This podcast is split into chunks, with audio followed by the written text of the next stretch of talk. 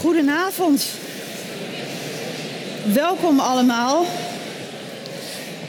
Wat, uh, wat fijn dat u, ondanks nou, het inmiddels wel hele mooie weer, uh, maar de nog steeds gaande OV-staking, toch hier bent. Uh, misschien was het voor u allen geen enkel probleem, maar misschien heeft u wel verschrikkelijk veel moeite gedaan om hier vanavond te zijn. In dat geval extra welkom.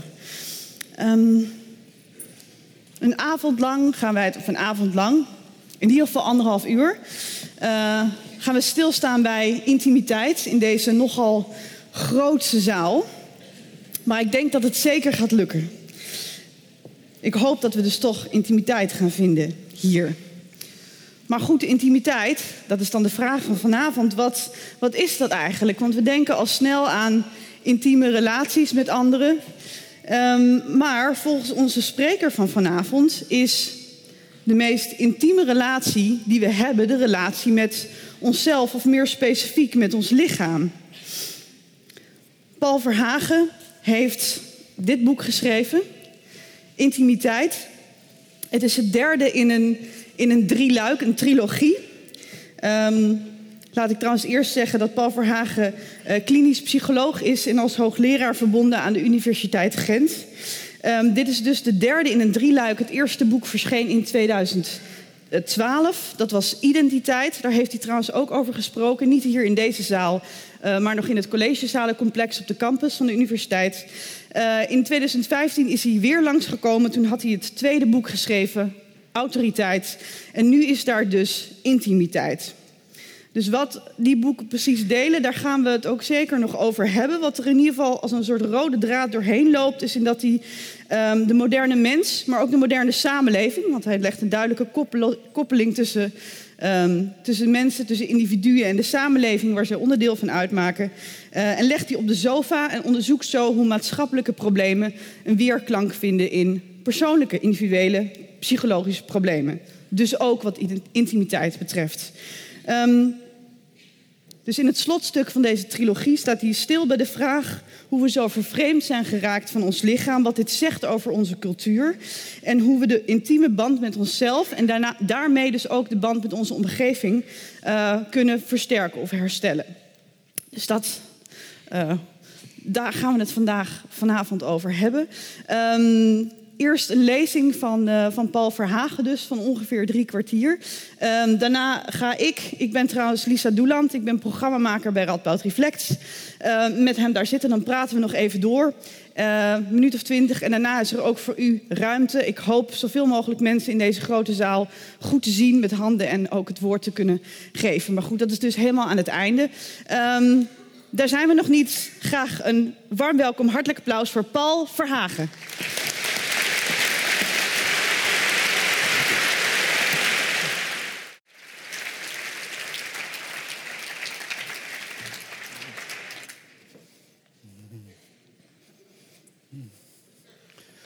Goedenavond.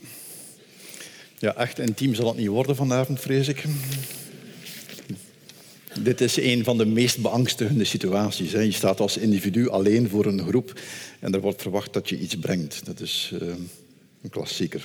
Goed, we zien wel waar het ons brengt. Het was een hele mooie inleiding van Lisa, omdat ze uh, heel terecht erop gewezen heeft dat uh, dit boek als laatste stuk van een drieluik heel sterk gekoppeld kan worden aan de twee andere onderwerpen, aan identiteit en autoriteit. Ik ga straks dat uitdrukkelijk koppelen aan identiteit, want anders, denk ik, zal mijn verhaal een beetje losgangen. Uh, maar ik begin eerst met het goede nieuws. Minder goede nieuws komt straks, dat is altijd zo. Het, het goede nieuws is uh, dat wij wij, als ik in de zaal even kijk, de mensen van mijn generatie, maar ook de mensen van de generatie jonger, dat wij op vlak van seksualiteit en intimiteit een immense vooruitgang geboekt hebben. En het is goed dat we dat, we dat eigenlijk beseffen. We hebben een enorme vooruitgang geboekt op het vlak van erotiek en lichamelijkheid, uh, op het vlak van cont contraceptiva, ook op het vlak van geweld. Dat verliezen we vaak uit het oog. We denken dat er nog altijd heel veel geweld is. En dat is eigenlijk niet zo. Om jullie maar een, een, uh, feitelijke illustratie daarvan te geven. Uh, verkrachting binnen het huwelijk is pas bestrafbaar sinds 1991, dus dat is niet zo lang geleden. Dus dat is vandaag de dag ondenkbaar natuurlijk. We hebben ook een enorme vooruitgang geboekt op het vlak van diversiteit. Uh, een begrip zoals heteronormativiteit, dat de norm hetero zou zijn, dat begrip was tot voor kort letterlijk ondenkbaar. Er is nog beter nieuws. Al die veranderingen die wij meegemaakt hebben, die kaderen in wat ik beschouw als een historische transitie. In de westerse maatschappij is het patriarchaat zo goed als verdwenen. Die traditionele top-down autoriteit die wordt meer en meer vervangen door horizontaal georganiseerde vormen van netwerkautoriteit. Dus we leven best wel in goede tijden. Maar nu het minder goede nieuws. Tot nadere order worden wij gedomineerd door een vertoog, een discours, dat onze identiteit en bijgevolg onze verhoudingen tot andere mensen invult. Op een manier waar we echt niet gelukkig van worden en al helemaal niet op het vlak van intimiteit. En om dat toe te lichten wil ik eerst even heel kort uh, nog eens wat vertellen over identiteit. Uh, wat ik beschouw als een, onze psychologische identiteit, dat is een constructie. Het is niet iets waar we mee geboren worden. Het is een constructie gebaseerd op wat ons door onze omgeving vanaf onze babytijd voorgehouden wordt. Getoond, en verteld. En bij die constructie van de identiteit eh, zijn er eigenlijk maar twee processen die een rol spelen. En dat eerste proces komt erop neer dat wij dingen overnemen, opnemen. En dat proces wordt benoemd als identificatie of tegenwoordig ook wel als spiegeling. En dat drukt eigenlijk vrij goed uit wat het bedoelt. We nemen die voorgehouden beelden over en daarmee gaan we onze identiteit construeren. En dat gebeurt grotendeels onbewust. En dat betekent dus dat onze identiteit door dat proces toch wel flink gedetermineerd wordt. Afhankelijk van onze omgeving, afhankelijk van wat ons voorgehouden wordt, zal onze identiteit in een bepaalde richting evolueren en niet in een andere richting. Gelukkig is er ook een tweede proces, wat dan benoemd wordt als separatie of individuatie. En uh, dat tweede proces houdt in dat wij al van op heel jonge leeftijd keuzes maken. We maken keuzes tussen de zaken die ons voorgehouden worden. We gaan kiezen om ons wel met bepaalde beelden of ideeën te identificeren en met de andere dan weer niet. En al naar gelang dat we volwassen worden, zullen we dat proces ook meer bewust gaan doorvoeren. Ik breng die twee processen even in herinnering om het belang van die omgeving eh, nog even in de verf te zetten. De omgeving, hoofdzakelijk dan eigenlijk de maatschappelijke omgeving en tegenwoordig natuurlijk meer en meer de digitale omgeving. Als we dan kijken naar de inhoud van onze identiteit, datgene wat wij zijn, ja, dan moet ik dat wel even toelichten, want ik heb daar een bepaalde invulling aan gegeven die niet direct de meest courante is. Want ik begrijp onze identiteit als een, een complexe samenstelling van vier fundamentele verhoudingen verhoudingen waarbinnen ik zelf, waarbinnen ik een bepaalde positie inneem tegenover de ander. Dus een individu eh, als individu is voor mij ondenkbaar. Wij bestaan uit een aantal cruciale verhoudingen. En natuurlijk, een van die belangrijke verhoudingen, op het eerste zicht zou het vanavond daarover kunnen gaan. Een van die belangrijke verhoudingen waaruit mijn identiteit bestaat, dat is de verhouding tegenover de andere gender hetero of homo, maakt niet zoveel uit. Diegene die voor mij de ander is van het andere gender, van het andere geslacht. En ik, als heteroseksuele man, kan mijn mannelijke identiteit alleen maar uitbouwen, alleen maar uh, beleven in functie van een verhouding tegenover die andere groep, die in mijn geval de vrouwen zijn. Goed, dus dat is een eerste onderdeel van mijn identiteit van onze identiteit, de verhouding tegenover de andere gender. Tweede verhouding is deze tegenover de autoriteit. Diegene die boven ons staat. Of, als we zelf een autoriteitspositie innemen, diegene die, aan wie wij leiding moeten geven. Daar ga ik het vanavond niet over hebben. Een derde verhouding is de verhouding tegenover de ander gelijke. Ons spiegelbeeld. Heel belangrijk, en dat zal straks wel aan bod komen. En tenslotte de verhouding die ik bewust als laatste naar voren schuif, terwijl het eigenlijk de eerste is. De eerste als eh, onderdeel van onze identiteit. Dat is de verhouding die wij aannemen op grond van die ontwikkelingsprocessen. De verhouding die wij aannemen tegenover onszelf. En in eerste instantie tegenover ons lichaam. En de stelling die ik in het boek Intimiteit uitwerk en die Lisa daar straks al even kort aangegeven heeft, de stelling is de volgende. Als die verhouding tegenover mijzelf, tegenover mijn eigen lichaam, als die niet oké is, als ik niet goed in mijn vel zit, in Nederland zeggen jullie eh, lekker in je vel zitten, lekker bij ons is iets anders. Uh, zeggen als je niet goed in je vel zit, ja, dan kan je ook niet goed aan het vel van iemand anders zitten. Dus dan zal die intimiteit niet goed lukken. Dus dat is eigenlijk de basisstelling. Die verhouding tegenover het, onszelf, tegenover ons eigen lichaam, die moet minstens oké zijn, opdat er zoiets als uh, intimiteit mogelijk zou kunnen worden. Die visie op identiteit, zoals ik die nu kort verwoord heb, die kan je in nogal wat psychologische theorieën terugvinden vaak in andere bewoordingen met andere accenten, maar give and take a few en je ziet wel de overeenkomsten. Maar ik ga er nu een uh, psychoanalytische insteek aan toevoegen. En die vind je niet zo vaak binnen de hedendaagse psychologische theorieën. En die psychoanalytische insteek bestaat wat dit betreft slechts uit twee uh, ideeën. Dus ik vind ze wel vrij belangrijk. Het eerste idee is de volgende. Onze identiteit is altijd verdeeld. Ik ben nooit alleen. Ik bevind mij altijd in een verhouding tegenover iemand anders. Ultiem gezien zelfs in een verhouding tegenover mijzelf. En dat laatste kan misschien wat vreemd klinken, maar eigenlijk is dat zeer makkelijk herkenbaar. Dat is een verhouding die iedereen van ons iedere ochtend opnieuw opstart. En meestal op dezelfde plaats, zijnde in de badkamer voor de spiegel. En datgene wat je in de spiegel ziet, dat kan meevallen of tegenvallen. Afhankelijk van wat er de avond voordien allemaal gebeurd is. Maar hoe dan ook, op dat ogenblik ontstaat die verhouding, ontstaat die dialoog en die is eh, evaluerend. En elk van ons heeft zowel een basisverhouding die we aannemen tegenover onszelf. Wel, dat is eigenlijk de, de, de belangrijkste illustratie van die stelling. Onze identiteit is structureel gezien verdeeld. Altijd. Een tweede kenmerk. Onze identiteit is nooit af.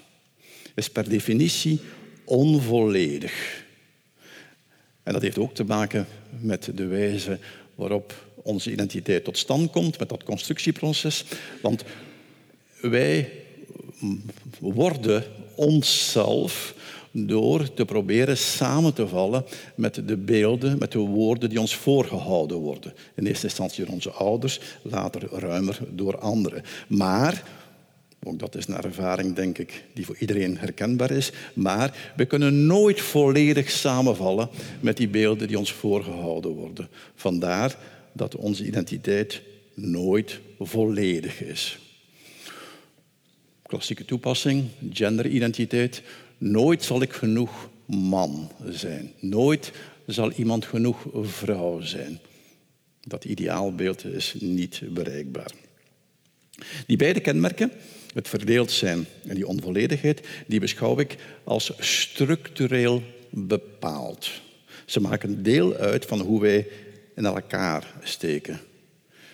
Met een ouderwets woord, ze zijn wezenlijk, ze zijn ontologisch. Wat er wel behoorlijk kan veranderen, dat is de manier waarop die twee kenmerken ingevuld worden. Want het zijn formele kenmerken. De manier waarop ik waarop wij omgaan met onze verdeeldheid en met onze onvolledigheid. En daar zal het vanavond natuurlijk voor een flink stuk over gaan. De invulling, de invulling hangt af van de beelden en de woorden die ons voorgehouden worden. De invulling hangt af, ruimer benoemd, van de symbolische orde waarin wij opgroeien. En het determinerende karakter daarvan is zeer groot. Dat is dat eerste proces waar ik het daar straks over had binnen de identiteitsconstructie. Determinatie is zeer groot, maar, het goede nieuws heb ik ook al gegeven, we hebben een minimaal een mogelijkheid om afstand te nemen van datgene wat ons voorgehouden wordt, om een stuk autonomie te verwerven en zelf keuzes te maken. Die vooruitgang, waar ik het in het begin eh, over had, die vooruitgang op het vlak van lichamelijkheid en seksualiteit, dat, dat heeft alles te maken met het feit dat de symbolische orde, het vertoog, het discours, dat dat de voorbije halve eeuw ingrijpend gewijzigd is. De identificaties, de identiteiten die nu tot stand komen, die nu geconstrueerd worden, die gebeuren op grond van andere beelden en andere ideeën dan pakweg een halve eeuw geleden. Heel kort door de bocht samengevat. Als maatschappij hebben wij de overstap gemaakt van een religieus patriarchaal vertoog naar een geseculariseerd vrije marktvertoog. En dat heeft zeker in de aanvangsjaren voor een enorme toename van morele vrijheid gezorgd. Daar valt ontzettend veel over te vertellen, maar daar gaat het vanavond niet over. Ik ga mij beperken tot uh, het uh, in de verf zetten van twee overtuigingen in dat vrije marktvertoog. Twee overtuigingen die bepalend zijn voor de manier waarop onze hedendaagse identiteit tot stand gekomen is en ook uh, bepalend is voor de manier waarop wij onze identiteit ervaren. Het zijn twee ideeën over de mens die alle twee juist zijn. Laat dat duidelijk wezen. Uh, maar er is iets verkeerd mee gelopen in de uitwerking ervan. Eerste idee, op grond waarvan die eh, neoliberale identiteit uitgebouwd wordt, pakweg vanaf de jaren 70, 80, is de volgende. De mens is maakbaar. Als we stilstaan bij dat idee, dan is het eigenlijk wel ja, een prachtig idee. Het is een idee dat stamt uit de verlichting. We hebben er 500 jaar over gedaan om dat een concrete realiteit te geven. En die concrete realiteit heeft voor een enorm veel vrijheid en mogelijkheden gezorgd bij ons in het Westen. Dus op zich niet alleen een juist idee, maar ook ethisch gezien een mooi idee. Helaas is die opvatting verschoven naar iets helemaal anders. De stelling dat de mens maakbaar is, is verschoven naar het volgende. Als de mens maakbaar is, dan moet iedereen het maken.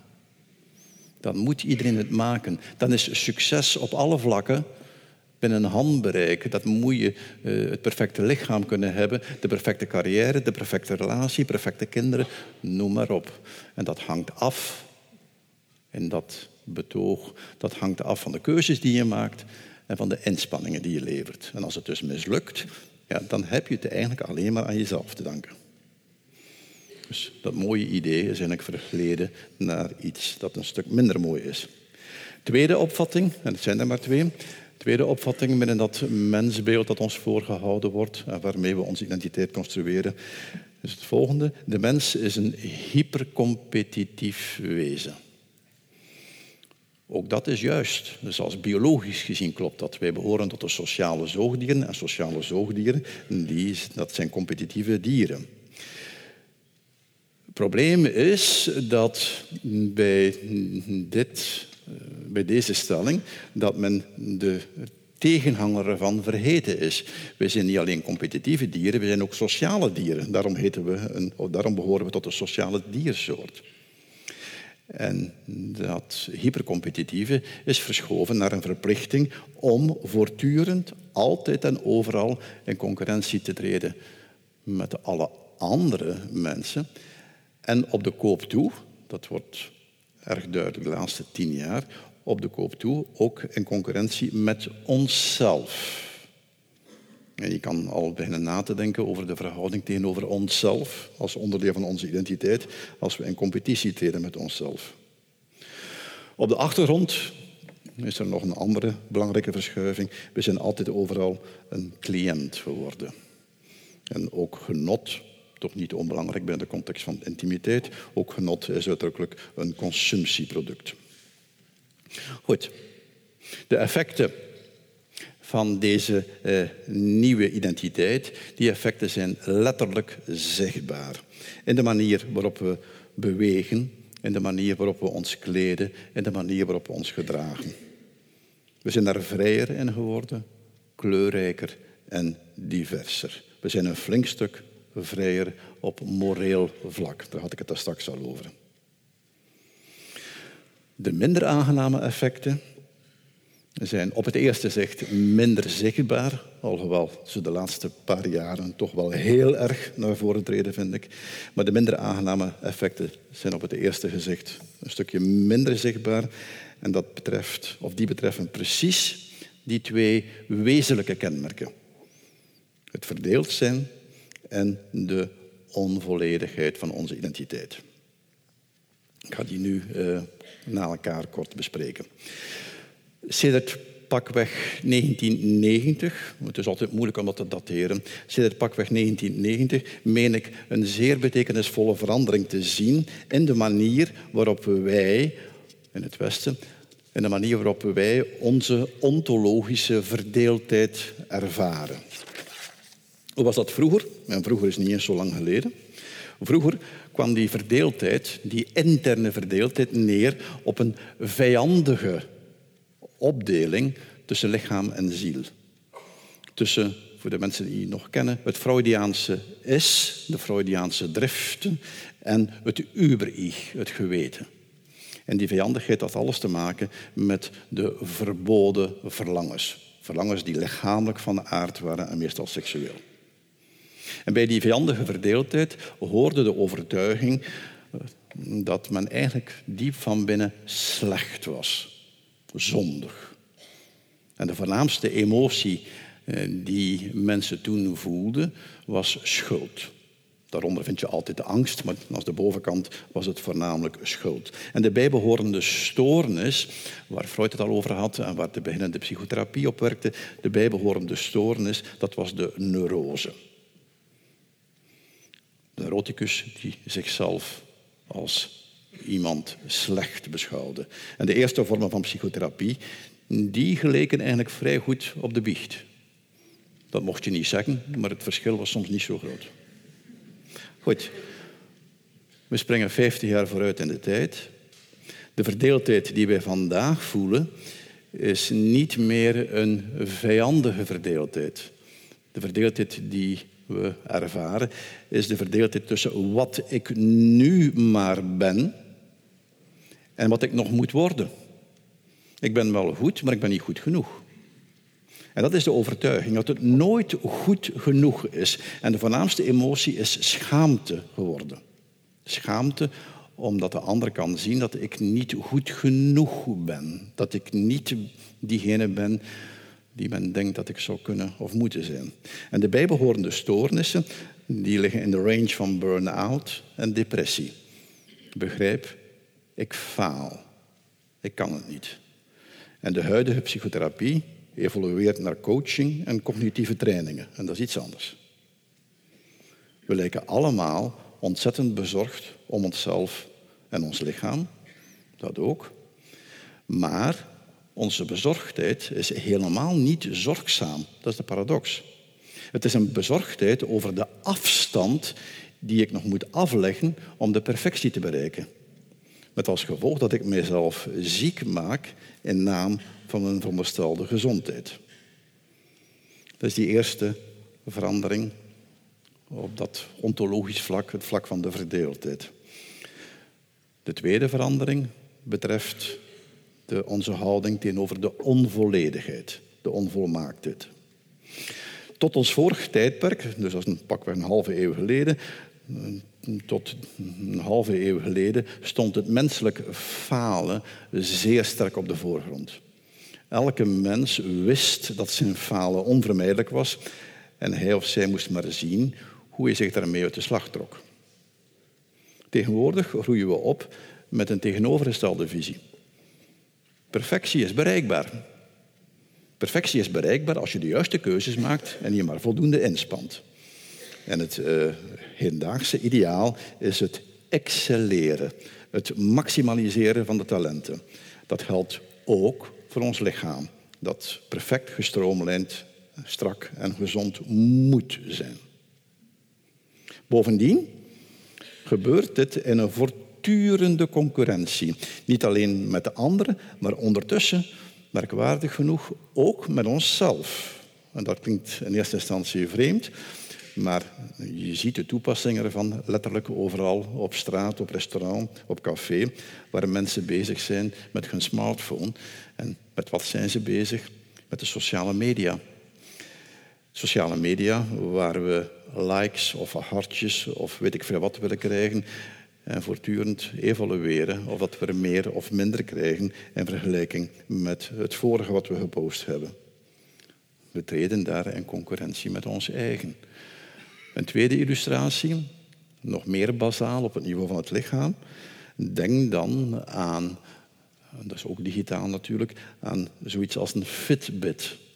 De wearables, de digitale toestellen die op een polshorloge gelijken, waarmee de drager tal van biomedische metingen kan doen. Hartslag, calorieverbruik, het aantal stappen dat je zet op een dag, het aantal trappen dat je gedaan hebt. En mensen gebruiken het vooral om zichzelf een bepaald doel op te leggen. Maar dan gebeurt er iets vreemds.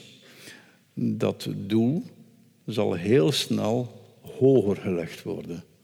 En dat heeft onder meer te maken met het feit dat je prestaties, want dan komt het daar wel op neer, dat je je prestaties kan vergelijken met die van anderen. Ja, dat de anderen kunnen meekijken hoeveel stappen je vandaag wel gezet hebt en hoeveel x en y je wel gedaan hebt. En de lat komt steeds hoger te liggen. Gezond lijkt me dat toch niet echt te zijn. Het doel, het doel van dat alles is onszelf beter in de markt te kunnen positioneren. De professionele markt, maar ook de seksueel-relationele markt. En de verhouding tegenover de andere gender is inderdaad een vermarkte verhouding geworden. En we beseffen dat nauwelijks. We gebruiken woorden die onze intieme relaties in die context plaatsen. En woorden zijn nooit onschuldig. Hè? Woorden bepalen ons denken en ons gedrag. Bijvoorbeeld, wat zeggen we van iemand die terug single wordt? Van die man of die vrouw zeggen we dat hij terug op de markt komt. Wel vreemd, hè? Ja. Uh, een ander voorbeeld, iets wat ik heel toevallig gehoord heb toen ik in de wagen naar huis aan het rijden was. Ik heb zelfs de datum genoteerd, 15 november 2017. En dat was een nieuwsflash op onze uh, Belgische radio. En die nieuwsflash was, luidde letterlijk als volgt. Australië staat op het punt het homohuwelijk goed te keuren. Geschat wordt dat dit de Australische economie op korte termijn een boost zal geven van 335 miljoen euro.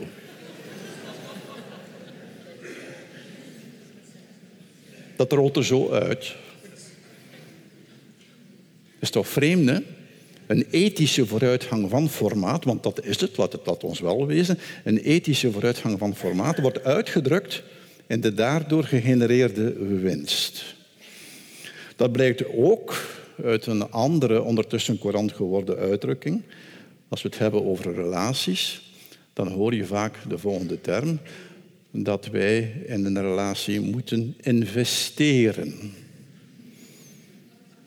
Ik ken weinig van het bankwezen en van beleggen.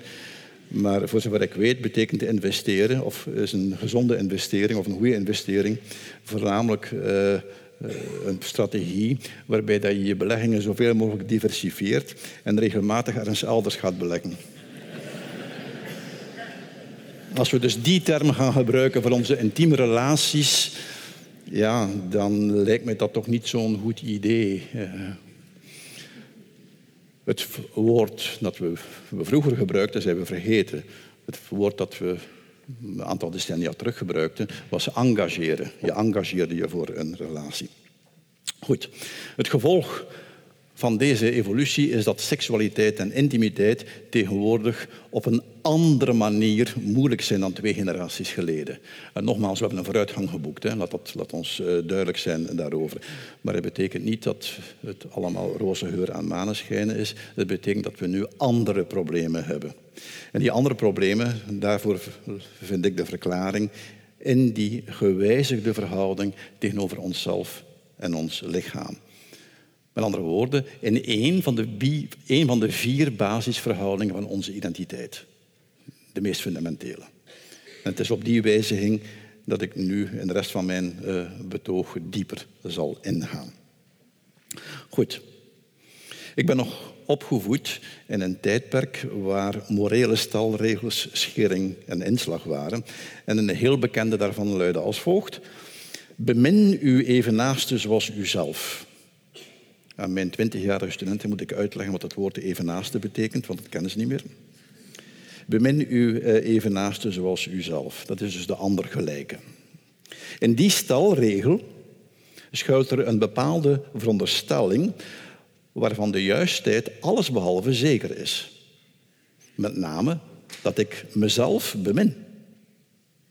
In de praktijk koesteren wij vaak heel gemengde gevoelens tegenover onszelf. We kunnen teleurgesteld of zelfs kwaad op onszelf zijn. En in dat geval is de kans groot dat we onze woede vroeg of laat naar buiten richten op iemand anders.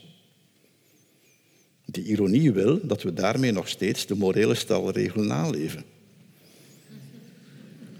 Maar dan in negatieve zin. We houden van de ander zoals we van onszelf houden. Dat wil zeggen, ik ben net zo kwaad op die ander als op mezelf.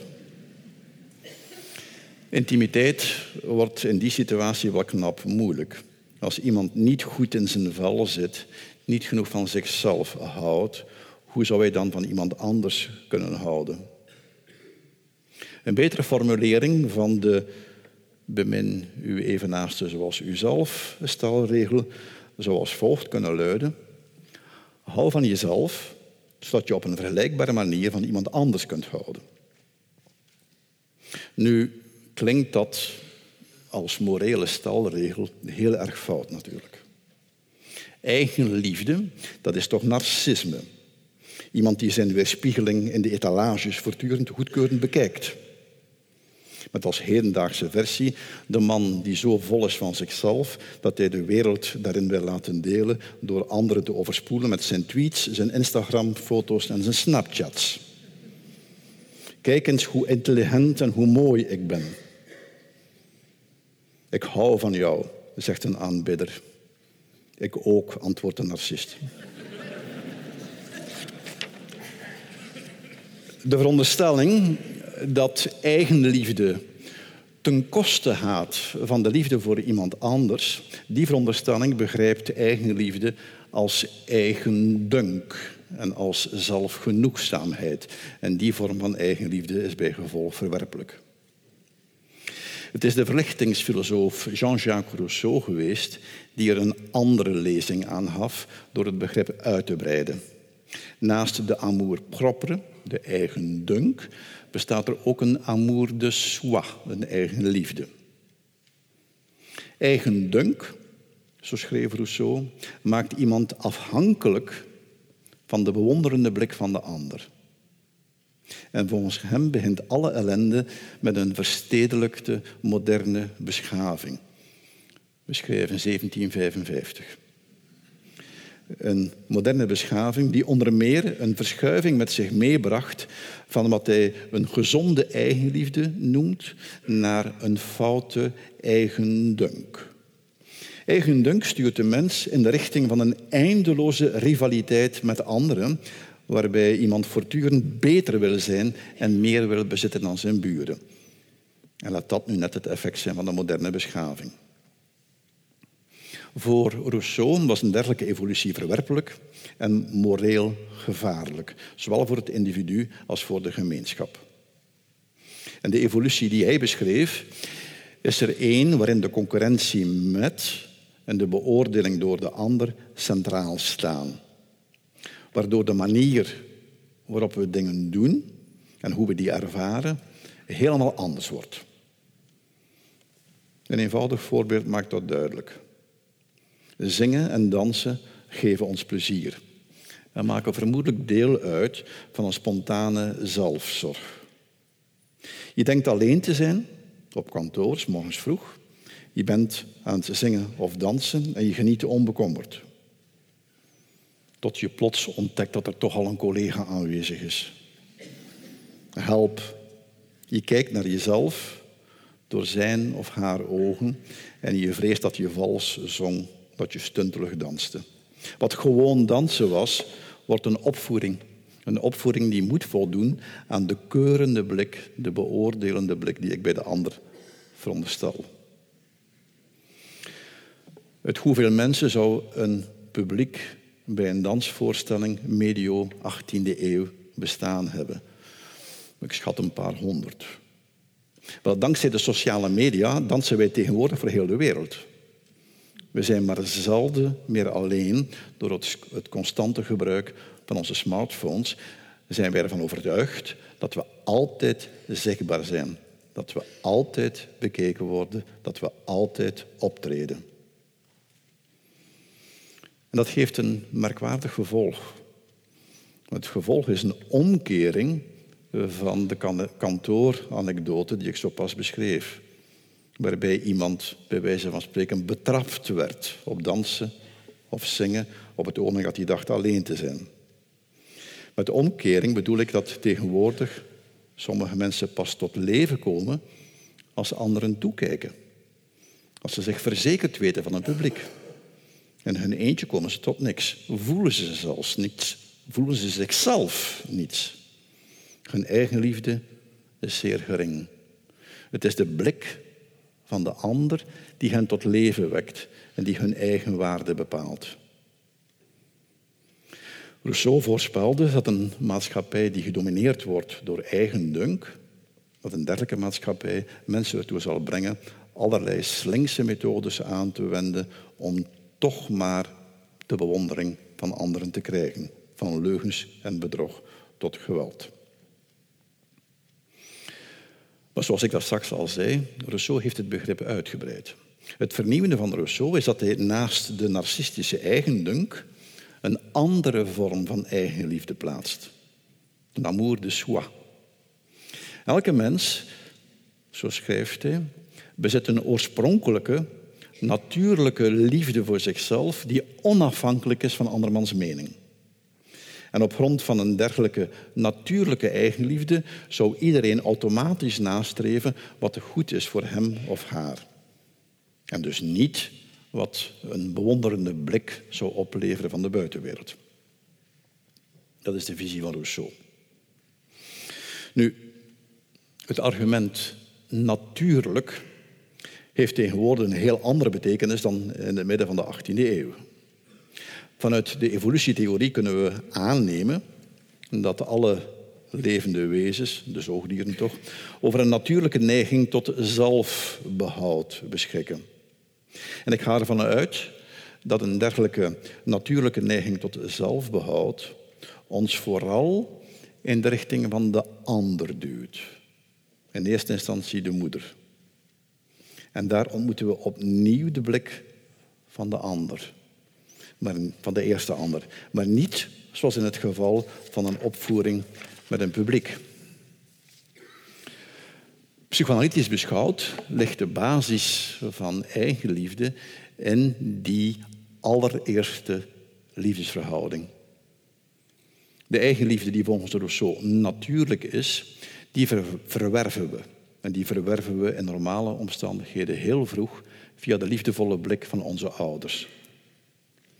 En die eerste blikken, die zijn niet alleen maar liefdevol, die zijn bovendien onvoorwaardelijk liefdevol. De baby hoeft er niks voor te doen. In de verdere ontwikkeling wordt die liefdevolle blik van de ouders wel voorwaardelijk. En elke kleuter leert al snel welk gedrag hij moet opvoeren om goedkeuring of zelfs om applaus te krijgen. Dus ook zonder een moderne beschaving worden we afhankelijk van de goedkeurende blik van de ander. En nog later leren we in concurrentie treden met de anderen, wat overigens, in weerwil van wat Rousseau denkt, wat overigens ook een natuurlijke kenmerk is. Zoals ik het al zei, competitie komt bij alle sociale zoogdieren voor, samen met solidariteit en empathie. Maar toch heeft Rousseau een punt. Een heel belangrijk punt.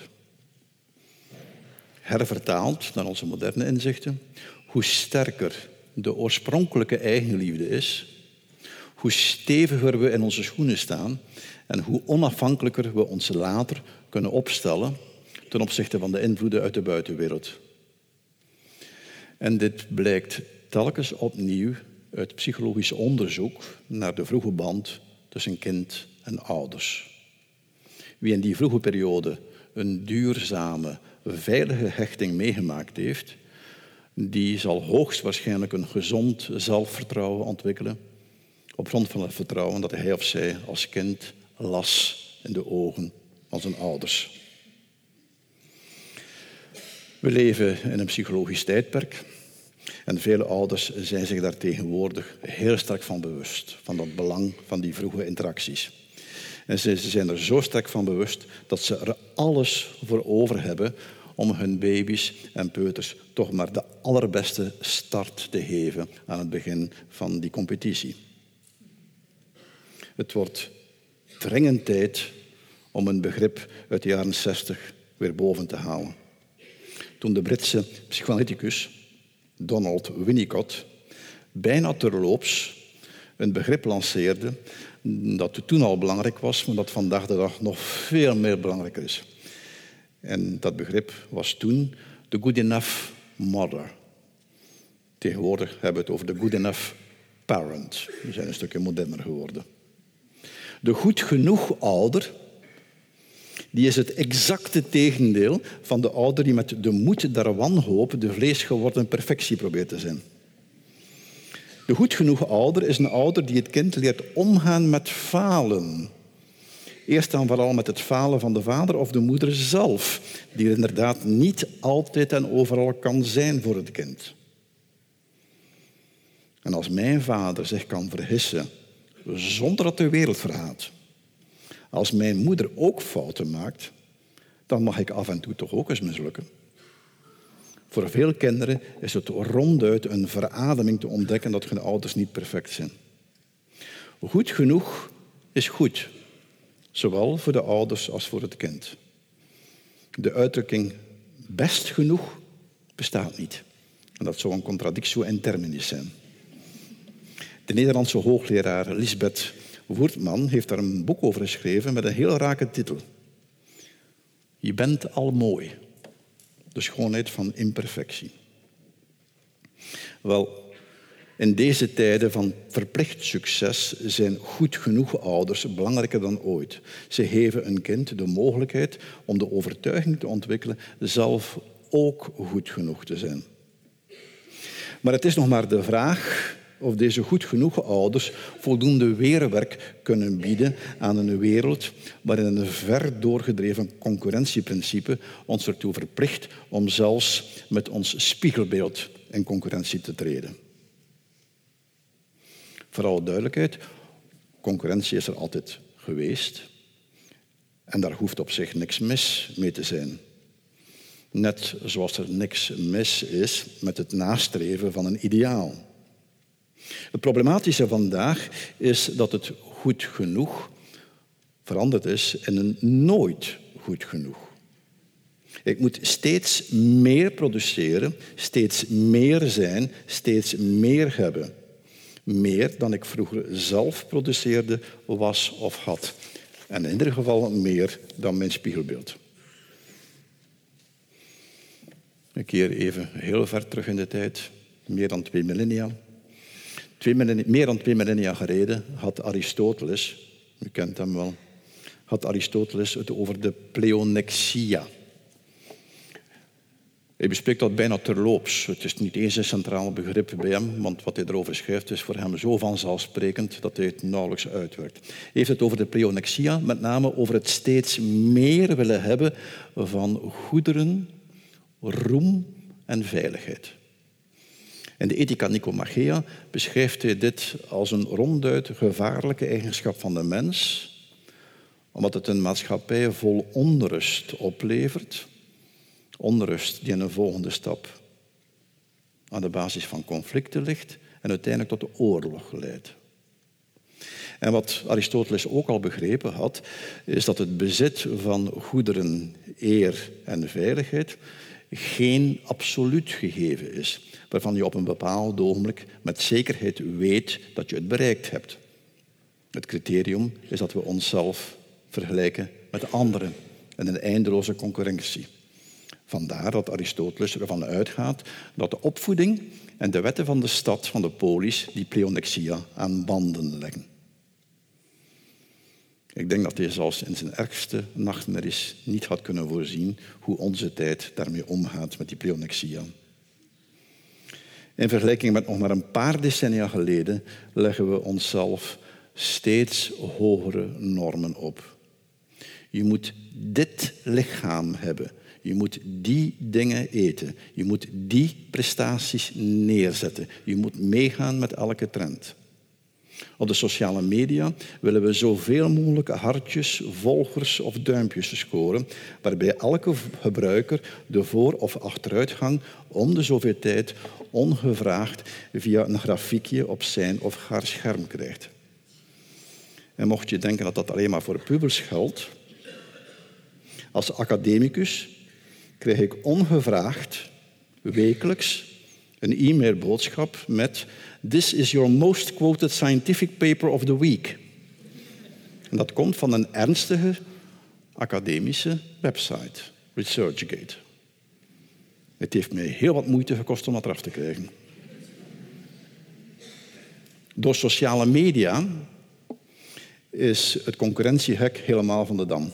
Je bent nooit mooi, sportief of hip genoeg.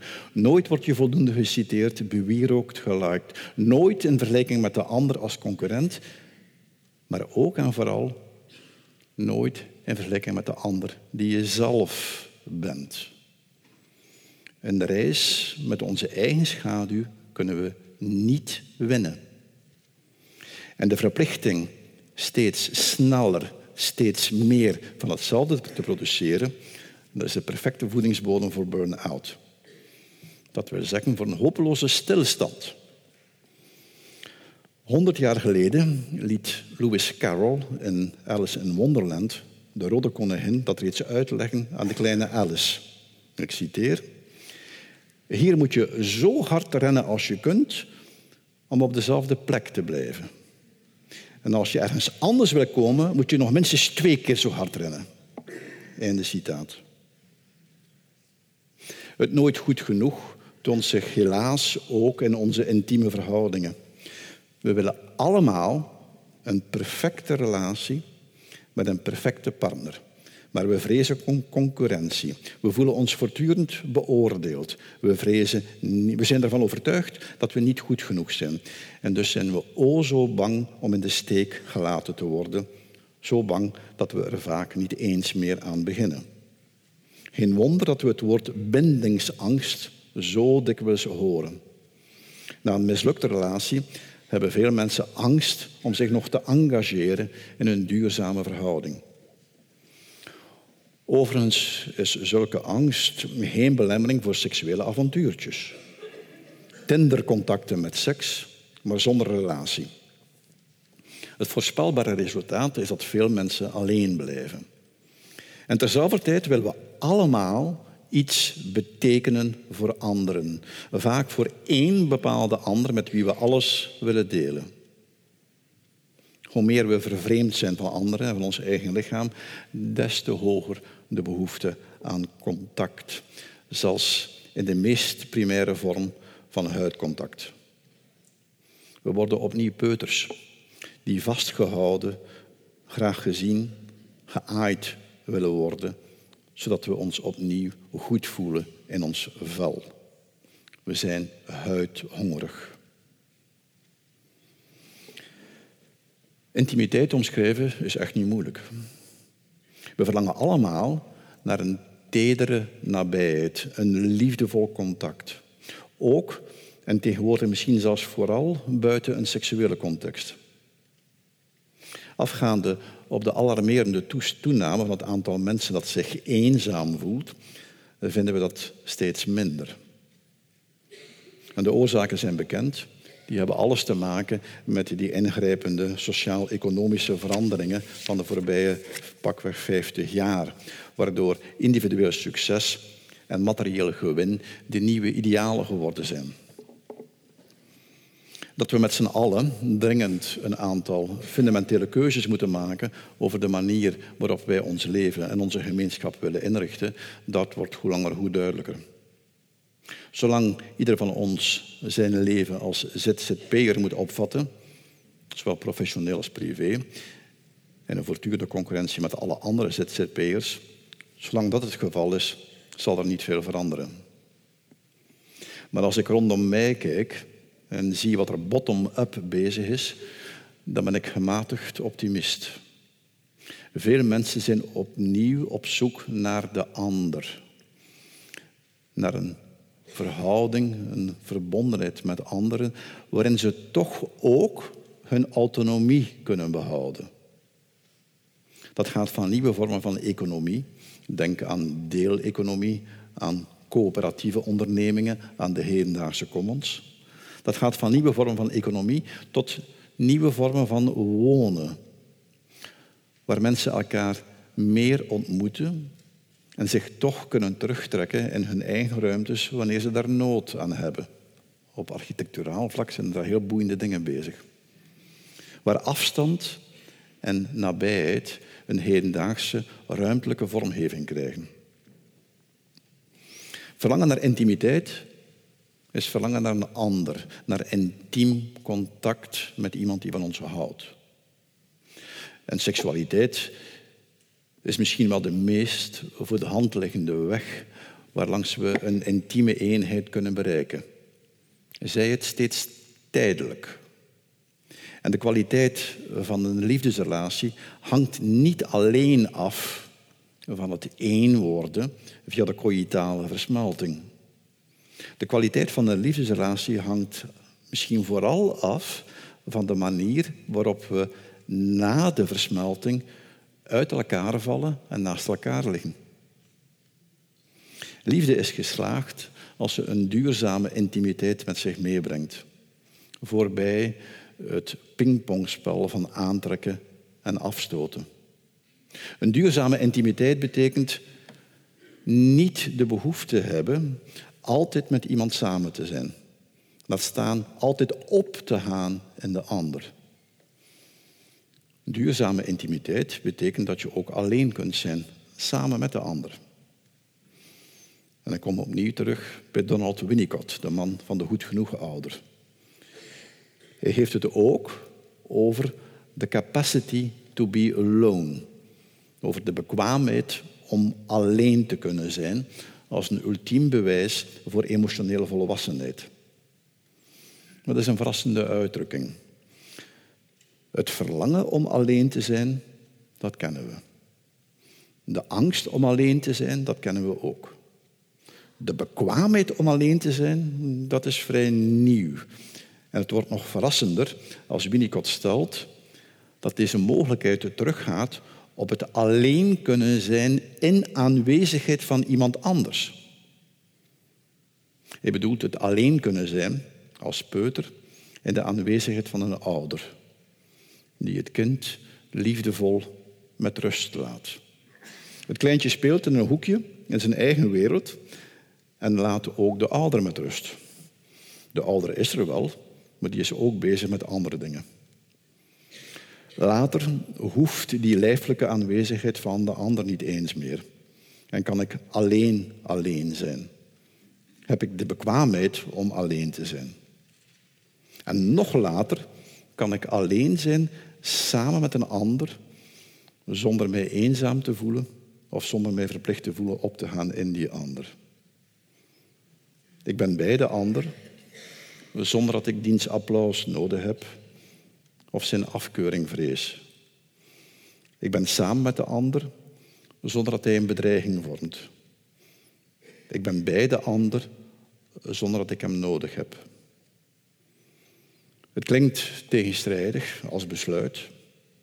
Om samen met iemand te kunnen zijn, moet ik in eerste instantie alleen met mezelf kunnen zijn. Om intiem te kunnen zijn met iemand anders, moet ik eerst de stilte toelaten om te horen wat er komt over mijn angsten en mijn verlangens, mijn kwaadheid en mijn verveling, mijn pijn en mijn genot. Een intieme conversatie met mezelf opent een mogelijkheid tot conversatie en intimiteit met iemand anders. Een pas gevormd koppel komt tijd tekort om te praten. Een koppel dat jarenlang samen is, kan genieten van de stilte. De intimiteit is er. Dank u.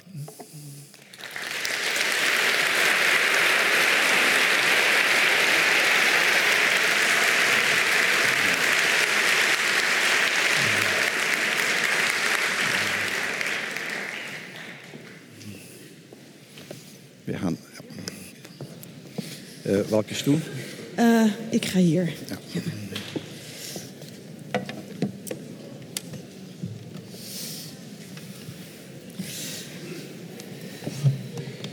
Veel dank voor een heel rijke lezing. Ik wil nog een aantal dingen daaruit naar boven halen. Uh, in gesprek voordat ik naar u ga, nog even verder. Um, laten we inderdaad beginnen met nog iets langer door te gaan over, dat, over het lichaam. Ja. Um, je haalde Winnicott aan die afgaf... het is belangrijk om een goed genoeg ouder te zijn. Mm Kan dat beamen. Ja. Werkt enorm als je je perfectie loslaat. Of je mhm. neiging tot perfectie. Um, is dat dan ook de relatie die wij dus met, tot ons lichaam moeten hebben? Dus, dus niet alleen de goed genoegen ouder... maar ook het goed genoegen lichaam. Is... Uh... Ja, het, het is want ik, ik zit, de, de, de vraag, mijn vraag is eigenlijk: hoe ziet nou een, een, een, een, een goede zelfzorg eruit? Dus aan het einde van jouw boek geef je aan. Uh, dus die intieme relatie met ons eigen lichaam, die vraagt om, om zelfzorg. Je geeft ook duidelijk aan Fitbits, self-tracking, dat soort dingen werken niet helemaal. Die zijn heel controlerend. Um, het lichaam is daarin niet goed genoeg. Dus wat dan wel? Hoe dragen we zorg? Voor alle duidelijkheid, op grond van wat ik vandaag verteld heb, kan het lijken dat ik heel erg gekant ben tegen het digitale en tegen die toepassingen. Dat is natuurlijk niet het geval. Ik ben heel erg tegen bepaalde invullingen van die toepassingen. Maar eh, om nu uh, terug te keren op je vraag, die, die uh, verhouding tegenover het eigen lichaam, die intimiteit, um, hoe gaat dat in zijn werk? Wel, je moet ervan uitgaan dat wij ons lichaam in eerste instantie niet kennen. Als ik het had over de verdeeldheid die in onze identiteit zit. En uh, als de basis van die verdeeldheid de verhouding tegenover onszelf is, dat is natuurlijk de meest klassieke verdeeldheid uit de filosofie, lichaam en geest. En daar vertrekken we allemaal bij. En wij leren ons lichaam kennen omdat in eerste instantie onze ouders omdat ons dat spiegelen. En we leren onze emoties benoemen. En emoties zijn eigenlijk uh, culturele afspraken eh, om namen te geven aan datgene wat we in ons lichaam ervaren. Als je aan een peuter van pakweg twee jaar en een paar maand uh, vraagt waar hij pijn heeft, zal je bijna altijd als antwoord krijgen in mijn buikje. Ja. En dat kan van alles betekenen. En vraag dat aan een vijfjarige en die had dat heel goed kunnen lokaliseren. En vraag het nog aan een ouder kind en die zal spreken over een kloppende pijn, een brandende pijn, een stekende pijn. En dat is vreemd, want we weten wat die kleine daarmee bedoelt, omdat we dat zelf ook kennen. Dat betekent dat we dus die intieme verhouding met ons lichaam geleerd hebben. We leren hetzelfde op het vlak van plezier. Zij het misschien net ietsje minder. We hebben een minder gediversifieerd uh, woordenapparaat om genot aan te duiden dan om pijn aan te duiden. Uh, maar hoe dan ook, we leren dus die, ons lichaam kennen in die verhouding die ons voorgehouden wordt door de ander. Maar dat is altijd via de ander. Ja, ja. ja. En dan de vraag naar het goed genoeg. Ja, dat heeft dan te maken met het ideaal. Hè? Als wij als je zelf vader of moeder bent, dan wil je van je kinderen ideale mensen maken.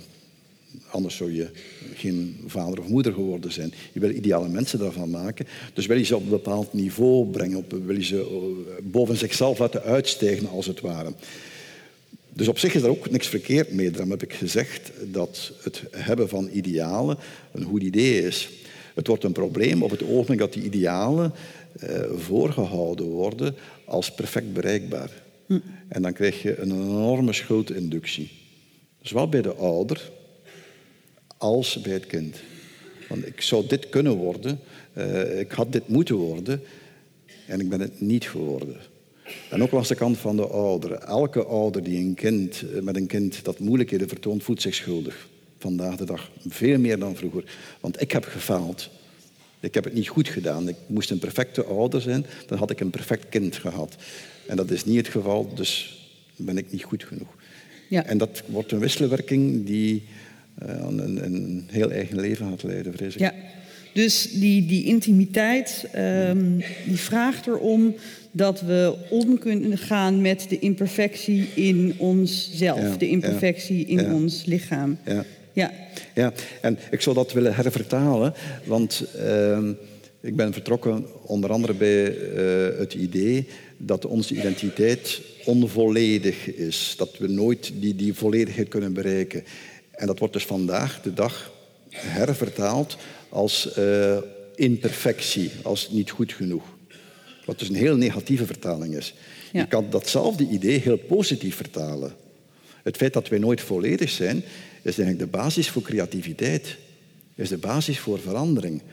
Beeld je even in dat je op je twintigste af bent. Dat je alles bereikt hebt. En daar heb je nog 60 jaar te gaan. Ja. Dat is dramatisch. Ja, dat is we zijn nooit af, we zijn nooit volledig. We kunnen voortdurend veranderen. We kunnen andere keuzes maken. We hebben nog nooit zoveel vrijheid gehad. Onze grootouders hadden die keuze niet. We hebben die wel.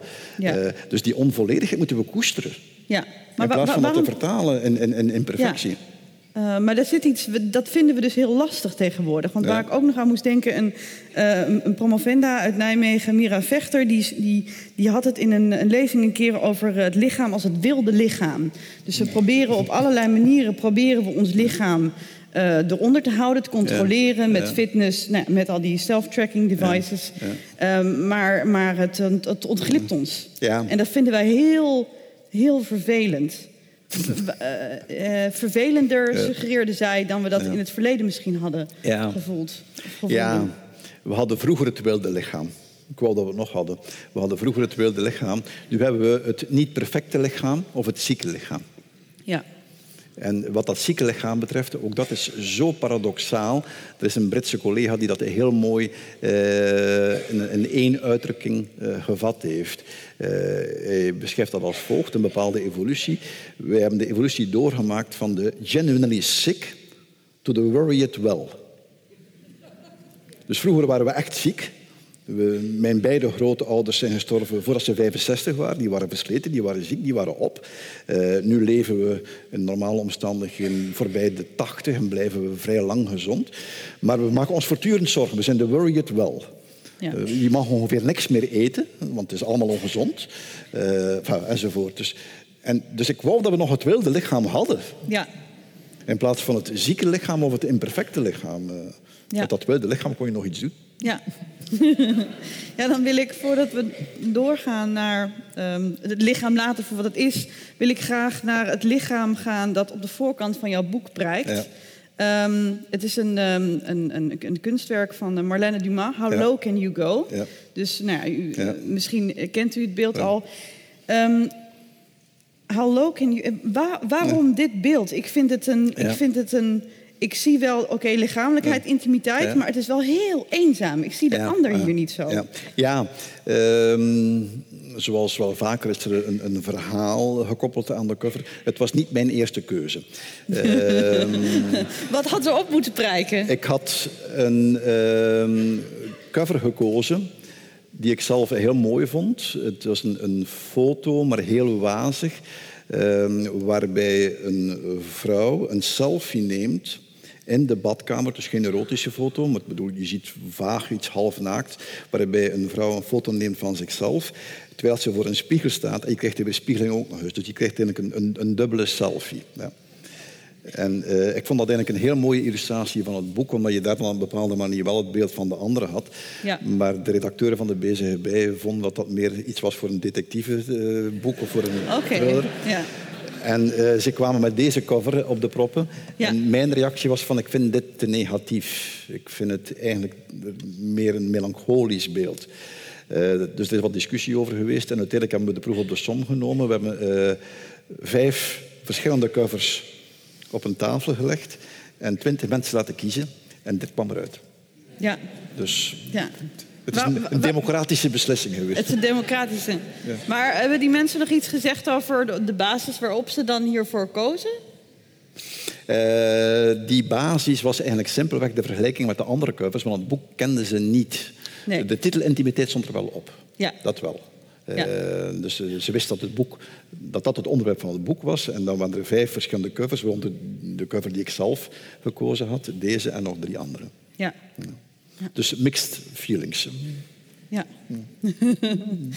ja. Ik snap het. Um,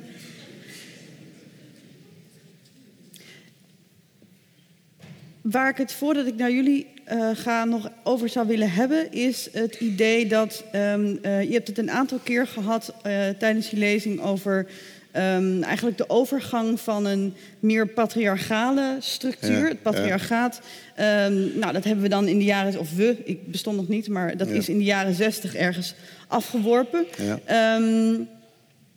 Toen kwam dan het, het, het, het, echt het individu op als een authentiek zelf, dat zichzelf ging ontplooien. Uh, wat later ook vooral zichzelf ging vermarkten. Ja. Zitten we nog altijd in die periode? Of zijn we daaruit aan het gaan? We zijn eruit aan het gaan en dat is al een aantal jaar bezig. Het is eigenlijk fascinerend om te zien hoe we op een, een halve eeuw tijd een evolutie doorgemaakt hebben die op een bepaalde manier uh, analoog verloopt met de wijze waarop onze identiteit tot stand komt. Dus ik heb die twee processen beschreven. Je hebt de, ja. het eerste proces, de identificatie, en het tweede proces, de, de separatie. Nu, uh, de maatschappij tot pakweg de jaren 60 legde alle accent op identificatie. Met als gevolg dat uh, mensen toen heel erg op elkaar geleken. En uh, dat je een verplichte gemeenschap had, een verplichte verzuiling. Alles was heel sterk gericht op de groep. En het individu kwam niet aan zijn trekken. Daar zijn we met z'n allen in opstand tegengekomen in de jaren 60, 70, om eigenlijk die, die individualiteit op te eisen. En op heel veel verschillende vlakken. Je zag dat op het vlak van seksualiteit, dat was de, de seksuele revolutie. Je zag het op het vlak van de opvoeding, dat was de anti-autoritaire eh, opvoeding. Je zag het op het vlak van de psychiatrie, dat was de antipsychiatrie. Je zag het op het vlak van de theologie, dat was de bevrijdingstheologie. Dus ja. in al die velden wilde het individu zelf naar voren komen. En dat was nodig. En dat is behoorlijk goed gelukt. En een halve eeuw later zitten we aan het andere extreem. Zijn we zozeer individu uh, ja, dat we de groep missen. Ja. En nu, willen we, nu zijn we op weg, eigenlijk al een aantal jaar hoor, uh, naar het zoeken van een, een, een nieuw evenwicht ertussen. Uh, we willen zeker niet terug, ik in ieder geval niet, naar de jaren 60, 70. Ehm, maar alleen maar dat individu dat is ook niet aangenaam. Dat, dat, dat werkt niet. Dus het, het, is een zaak van, van daar nieuwe verhoudingen in te vinden. Het is fascinerend, eh, want dat betekent ook dat we nieuwe gezinsverhoudingen aan het maken zijn. Het, het, traditionele gezin is plaats aan het ruimen voor iets anders. Uh, je ziet het ook in de architectuur. dat is, denk ik, voor mij het meest overtuigende voorbeeld. Uh, dus waar we vroeger, heel lang geleden, uh, op boerderijen woonden met, met 40, 50 mensen. En dan geëvolueerd zijn naar de woning waar drie generaties woonden, van drie halve generaties vaak. Uh, naar de woonvormen waar een single alleen woonde. zien we nu woonvormen ontstaan waar mensen in kleine gemeenschappen gaan samenwonen, uh, ja. een aantal faciliteiten delen, uh, een aantal gemeenschappelijke ruimtes hebben, maar tezelfde tijd hun individualiteit kunnen behouden. En je ziet dat die woonvormen zowel gezinnen toelaten als singles. En dat is fascinerend om te zien hoe dat, dat nu gedacht wordt. Zoiets. Ja. Ja. Dat is letterlijk een weerspiegeling van die, die hang naar een nieuwe vorm van samenleven met elkaar. Ja, best hoopvol eigenlijk. Ja. ja. ja. ja. Um, dit was het alweer. Ik, uh, ik hou graag dit imperfecte boek omhoog. Dat u, als u wilt, uh, uh, gesigneerd kunt krijgen. Zometeen daar. Er liggen hele grote stapels. ik wil u enorm bedanken voor uw komst en uw vragen. En natuurlijk onze spreker van vanavond, ja. Paul Verhagen. Dank u.